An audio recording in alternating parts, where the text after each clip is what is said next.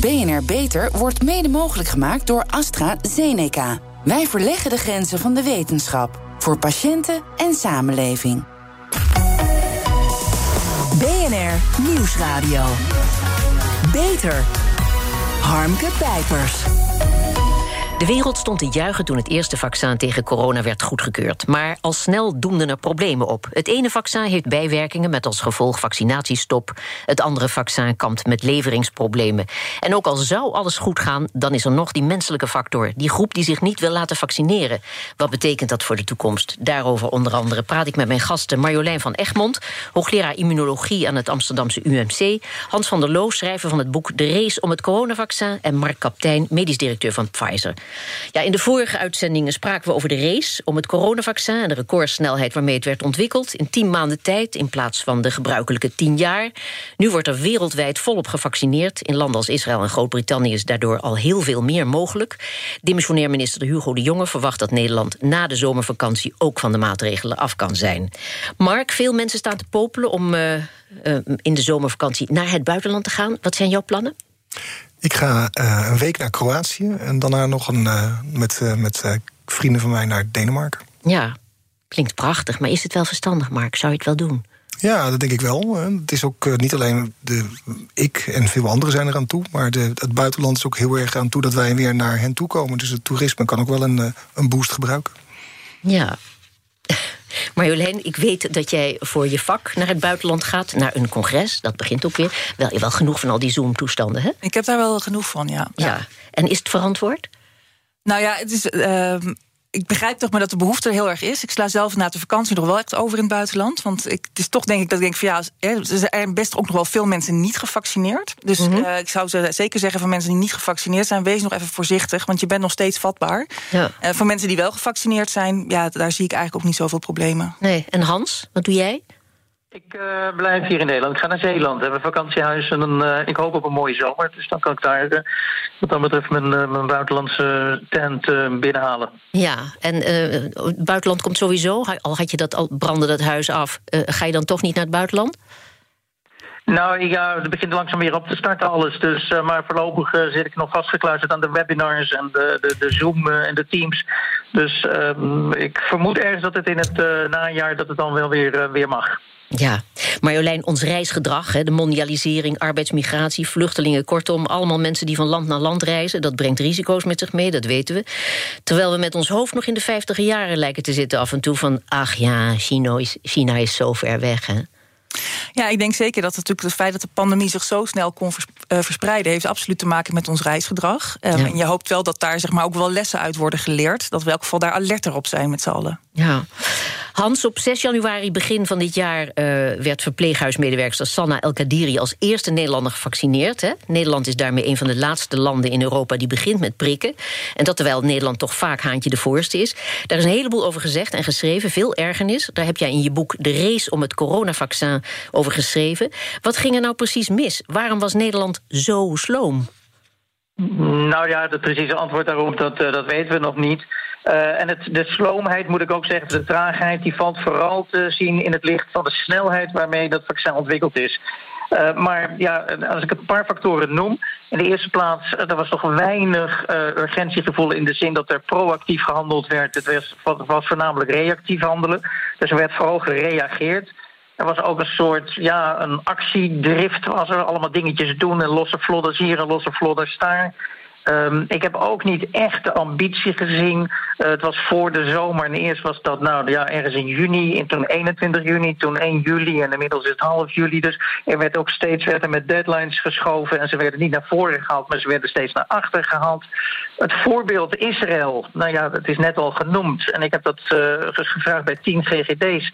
Uh, leren jullie daar nu ook van? Of zijn jullie daar überhaupt in geïnteresseerd? Nou, het werd me eigenlijk te verstaan gegeven... nee, daar leren we niet van, want Israël is een ander land. Dus uh, ja, er was ook een soort geslotenheid. En echt die samenwerking en dat slagvaardig samenspel is niet tot stand gekomen. Um, en dat heeft alles te maken met de totale verbrokkeldheid van het, uh, van het systeem. Ja. De Nederlandse overheid sloot overeenkomsten met meerdere vaccinontwikkelaars om de risico's te spreiden. Allereerst met Oxford AstraZeneca. Maar ondertussen namen Pfizer en Moderna het voortouw in de race en liep het Oxford-vaccin vertraging op. Domme pech voor de jongen en het ministerie. Of hadden ze dat inkoopbeleid toch echt even anders moeten organiseren volgens jou? Nou ja, men heeft uh, te vroeg gegokt eigenlijk op dat AstraZeneca. En is toen vervolgens teruggefloten door de Europese, uh, door de Europese Unie. En uh, daar is vervolgens is het centrale inkoopbeleid is daar gestalte gegeven. Dus men was eigenlijk afhankelijk van wat er op Europees niveau gebeurde. En heeft daarmee ook de zeggenschap over, dat, over het vaccin, de inkoop van die vaccins, heeft men uit handen gegeven. Ja, Marjolein, is het eerste vaccin dat klaar is? Hè? Is dat ook altijd het beste? Of kan een vaccin, ondanks dat het misschien maanden langer op zich laat wachten, ook goed uit de bus komen? Ja, zeker. En dat is denk ik ook de reden waarom er zeg maar, op zoveel verschillende soorten vaccins is ingezet. We wisten gewoon niet van tevoren wat zou gaan werken. En daarom is denk ik ook inderdaad eerst ingezet op AstraZeneca. Want dat is een soort van bewezen techniek. Terwijl de mRNA-vaccins voor uh, infectieziektes echt nieuw was.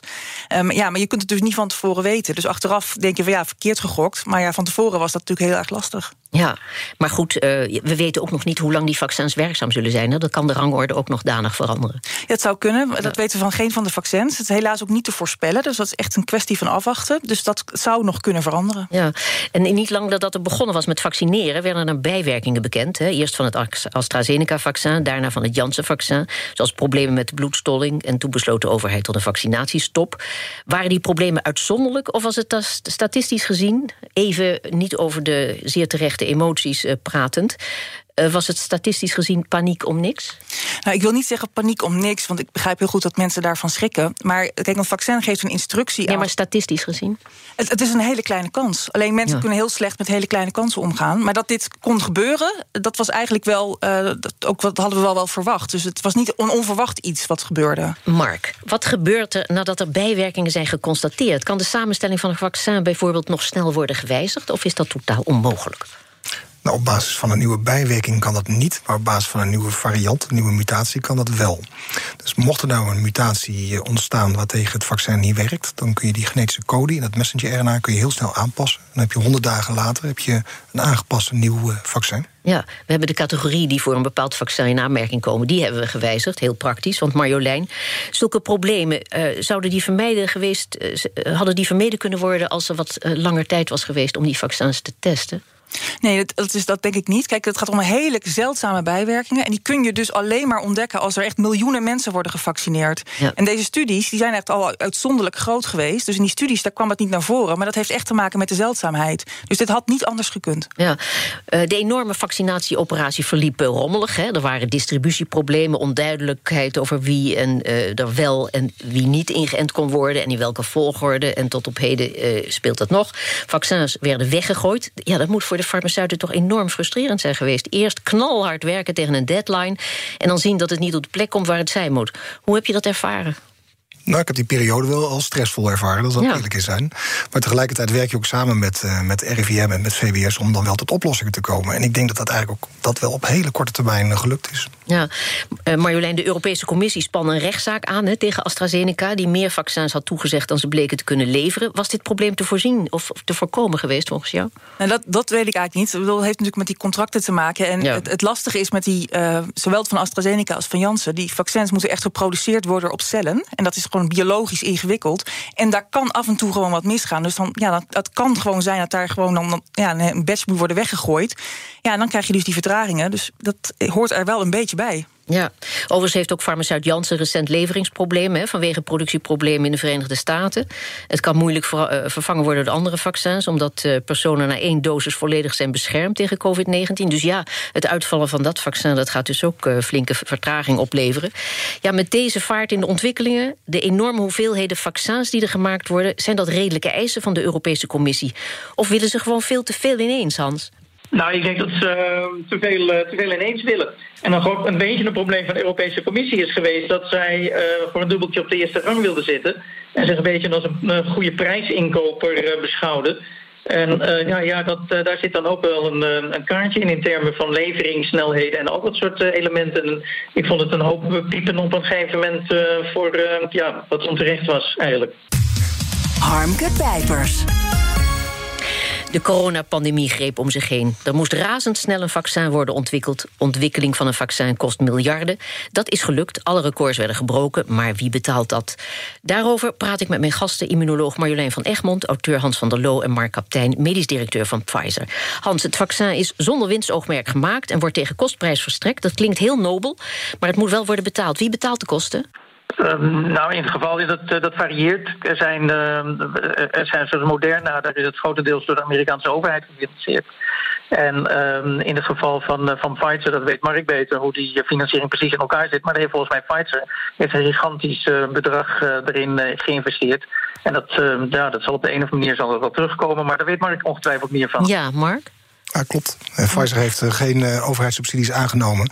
En we hebben ons eigen geld erin gestopt. Ja, 2 miljard dollar. Miljarden geïnvesteerd, geïnvesteerd, dat zal niemand verrassen... in de ontwikkeling van het vaccin... maar ook bijvoorbeeld in de bouw van fabrieken... Hè, waar het vaccin geproduceerd kan worden. Hoe wordt dat geld terugverdiend?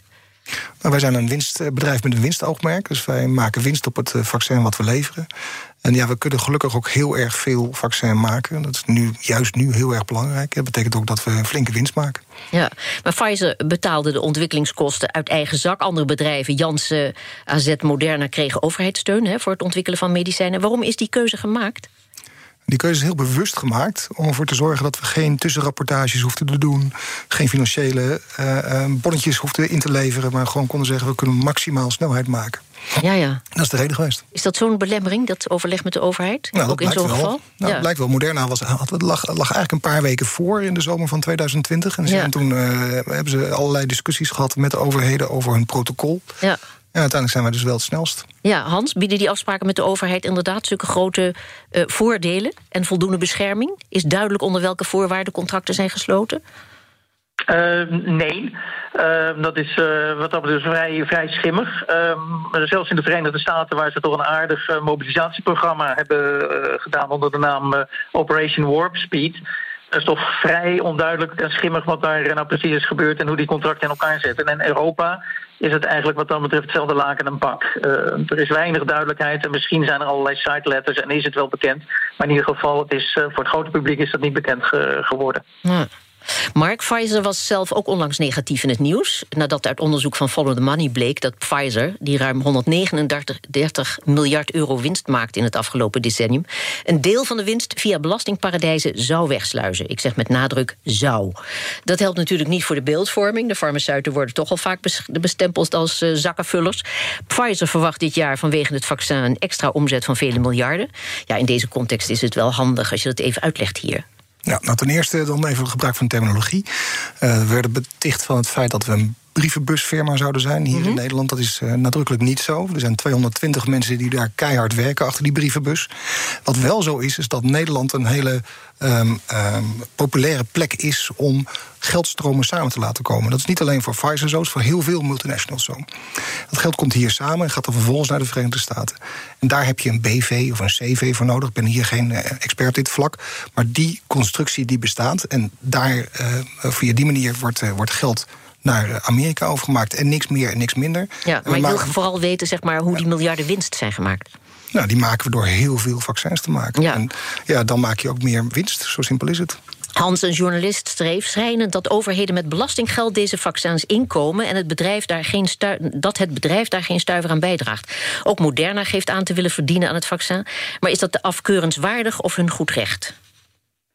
Ik denk dat het een, uh, hun goed recht is en het wordt zwaar overdreven wordt ook wel gezegd dat eigenlijk de overheid uh, dat hele onderzoek naar vaccins gefinancierd heeft. En dat uh, vervolgens Big Pharma daarmee uh, aan de haal gaat. En nou, als je dan kijkt wat er gebeurt en wat er, wat er feitelijk gebeurd is, is natuurlijk de lachfundamentele kennis. Maar het hele ontwikkelproces en het hele productieproces, distributieproces, dat is echt door, de, door, door, door, het bedrijfsleven is dat, um, is dat tot stand gekomen. Niet door, door overheden. Dus ik geloof niet zo in het verhaal van een missie-georiënteerde overheid dus namelijk een Italiaanse professor, Matsukato, die dat uh, nogal eens zegt. En ik geloof er niet zo in.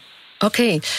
Wat de vaccins betreft, de contracten, de te leveren aantallen en de prijzen... die zijn vastgelegd. De toezeggingen gelden zolang de pandemie duurt. Daarna kunnen de prijzen dus eh, omhoog. Maar over een paar jaar zal volgens deskundigen... het virus nog niet verdwenen zijn. Dus uh, zijn de farmaceutische bedrijven spekkoper volgens jou? Nou ja, spekkoper. Het is wel duidelijk dat dit een, een groeimarkt is, uh, om in economische termen te praten. Dit, uh, dat, uh, de, de, de, virussen zullen niet verdwijnen en de aandacht zal, zal alleen maar groter worden. Dus in zoverre spekkoper, ja, het is, een, het is een groeimarkt. Ja, er is al lange tijd discussie hè, over de extreem hoge prijzen... waarvan niet duidelijk is hoe die zijn bepaald. De overheid pleit voor een gedragscode en meer transparantie. Hoe is dat te realiseren of is dat onbegonnen werk?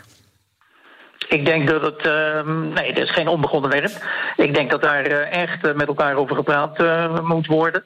Alleen is de vraag altijd met gedragscodes: ja, wie ga je je daaraan houden en wie gaat zich aan houden en hoe controleer je dat dan? En uh, ik denk dat we moeten oppassen. Kijk, die overheid heeft op allerlei uh, uh, elementen in dat hele proces tot nu toe steken laten vallen. Mm. En dat is de grote vraag: wie gaat dan ook weer die overheid controleren? En is die overheid dan wel de aangewezen persoon ja. of instantie om dat te doen? Ja, bovendien zijn farmaceuten beursgenoteerde bedrijven die winst moeten maken. Als samenleving hebben we ervoor gekozen hè, mede medicijnontwikkeling over te laten aan de markt. Moeten we dan ook maar niet moeilijk doen over de monopolies van marktpartijen en de hoge prijzen? Of is er wel degelijk verandering nodig? Hans? Ja, ik denk dat je, ik denk dat je wel degelijk uh, dat de verandering uh, wenselijk en noodzakelijk is. Alleen denk ik nu met dit virus dat daar de farmaceutische industrie bewezen heeft dat ze wat dat betreft uh, ja, echt niet alleen ambities hebben, maar ook idealistische doelstellingen kunnen nastreven. En dat dat best in samenwerking met overheden kan. Um, ik zou wat dat betreft, en dat zou de vraag naar Mark willen stellen. Uh, die heeft een tijdje geleden heeft hij voorgesteld om de overheid wat meer te gaan helpen vanuit het bedrijfsleven uh, met, uh, met kennis en met ideeën. Dat is toen, nou, ik vond het vrij bot afgewezen. Maar misschien, Mark, hoe, hoe sta jij daar tegenover? Want ik vond het eigenlijk een fantastisch voorbeeld van. Wel ja, zeg, geef even, even Mark nu. Nou ja, ik, ik, we hebben natuurlijk heel veel kennis en kunde als het gaat om, uh, om processen, logistiek, distributie, hoe je zaken versnelt. En ja, ik denk dat we, dat we die kennis heel graag zouden willen delen met de overheden. Met, ja. uh, met centrale en met lokale overheden. Bijvoorbeeld ook met een GGD Gor. Wij staan open om dat uh, advies te geven en die kennis en kunde te delen. Ja, die kunnen wel wat gebruiken, waar je zeggen, al die jaren. Ja, dus nou, ja, ik, ik, ja, en heb ik, denk dat wat dat betreft die kant uit moeten. Dat we verder meer moeten denken in termen van samenwerking, nieuwsgierigheid naar elkaar, van elkaar leren, dan echt weer gaan denken aan gedragscodes en controleren en dit soort zaken. Ik denk dat dat uh, weinig, uh, weinig soelaas biedt. Ja, maar Marjolein, patenten geven de farmaceut alle macht in handen. Hè. Dat staat haaks op het doel om het publiek maximaal te laten profiteren. Kijk maar naar wat er tijdens de coronacrisis dus uh, gebeurt. In plaats van een patentenpool, zodat ook arme landen geneesmiddelen kunnen krijgen... is het nu weer elke producent voor zichzelf. Die, wat, die wet kan toch nooit zo bedoeld zijn als die, zoals die nu wordt toegepast? Nee, maar dat is uiteindelijk wel wat er natuurlijk gebeurt in de markt. En als ik gewoon heel eerlijk ben, want ik werk zelf natuurlijk bij een universiteit... en wij doen mm -hmm. ook natuurlijk heel erg ons best om bij te dragen aan de kennis. Maar als je gewoon heel eerlijk bent, als je echt iets wil gaan gaan ontwikkelen voor de kliniek, hè, voor de patiënten, ja, dan heb je daar gewoon de farmaceutische industrie voor nodig. Want dat kunnen wij gewoon niet. Ja. De dekkingsgraad, daar hebben we het al even eerder over gehad. 100% zal niet te realiseren zijn. Daar moeten we het, uh, uh, dat is nou eenmaal een feit. Maar er zijn wel behoorlijke zorgen over de lage dekkingsgraad in achterstandswijken en Bijbelbeltgebied. Hoe kijk je daar tegenaan? Ja, dat betekent gewoon, en daar kan je eigenlijk wel de klok op gelijk zetten, daar gaan uitbraken komen. En ja. uh, dat is gewoon heel vervelend. En, maar dat zie je ook bijvoorbeeld, hè, af en toe zie je ook een mazelenuitbraak uh, in de Bijbelbelt. Uh, dat is nou, het gevolg van de keuze die zij maken. En dat is heel vervelend, want daar kunnen wij natuurlijk zelf ook wel last van krijgen. Maar het zal, ik ga er toch wel vanuit dat het lokaal en beperkte uitbraken zullen zijn. Dus dat dat niet zeg maar, zo'n enorme toef, ja, vlucht geeft en dat je dan weer de, de ziekenhuizen overvol raken. maar het is natuurlijk wel heel vervelend. Ja, en intussen hebben we toch allerlei mutaties al langs zien komen van het coronavaccin. Britse, Indiaanse, Braziliaanse variant. Waarvan ik dan weer lees dat uh, bijvoorbeeld Indiaanse variant, Indiaanse variant erg meevalt. Zijn we voorbereid op die uh, mogelijk nieuwe virusgolven? Nou ja, het punt is een beetje, uh, het zou zo fijn zijn als we dit zouden kunnen voorspellen, maar we hebben geen glazen bol, dus we weten gewoon niet wat er gaat komen. En kijk, het goede nieuws is in elk geval dat zo'n virus kan niet eindeloos zichzelf veranderen, want dan verliest hij namelijk op een gegeven moment ook zijn eigenschappen. Dus de vraag is een beetje van hebben wij het ergste al gehad, of komt er nog iets vreselijks aan? En het mooie is in elk geval dat met de moderne vaccins uh, dat dat heel erg snel kan aangepast worden, mocht het nodig zijn. Ja, of uh, zullen we iets tegemoet gaan zoals bij de griep, dat we te maken krijgen met varianten waar we dus steeds weer een nieuwe versie van het vaccin op moeten aanpassen? Nou, ik denk dat het niet zo erg gaat worden als met de griep. De griep is echt wel. Uh, er zijn heel veel verschillende soorten uh, zeg maar, substammen van de griep. En de griep kan echt enorm muteren, veel meer nog dan het coronavirus. Uh, dus ik, ik, verwacht niet dat we naar die situatie gaan. Maar dat er in de toekomst misschien een keer het vaccin moet worden aangepast. Ja, dat zou kunnen. Ja. Mark, staat Pfizer bij een nieuwe pandemie dan ook gewoon al klaar met een vaccin? Of moet er zoals bij deze corona-uitbraak weer helemaal vanaf nul worden begonnen? Nou, niet klaar, maar op het moment dat we weten dat er een variant ontstaat waar tegen het vaccin niet werkt, dan kun je die genetische code inbouwen. Dus 100 dagen later is dan het uh, nieuwe vaccin klaar. En dat kun je dan ter goedkeuring aanbieden aan de EMA. Zo gaat dat dus. Nou, dat klinkt uh, fantastisch. En laten we hopen dat we daar niet al te veel op hoeven te rekenen. Hartelijk dank.